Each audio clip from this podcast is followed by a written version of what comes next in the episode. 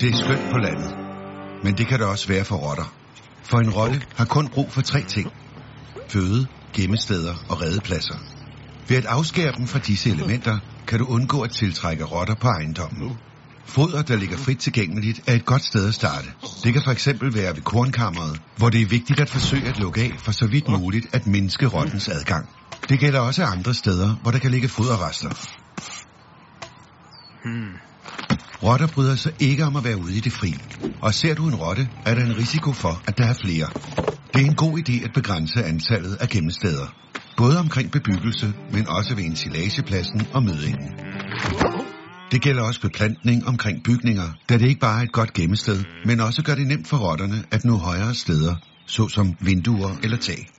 Til sidst kan du mindske rottens adgang til bebyggelse ved for eksempel at fikse huller i soklen, omkring rør eller ved porte.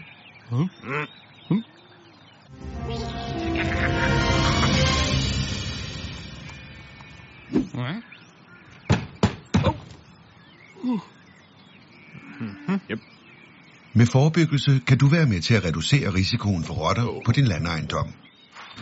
Men skulle uheldet være ude, er det vigtigt at anmelde det hurtigst muligt. Anmeld rotteangrebet på etk.køge.dk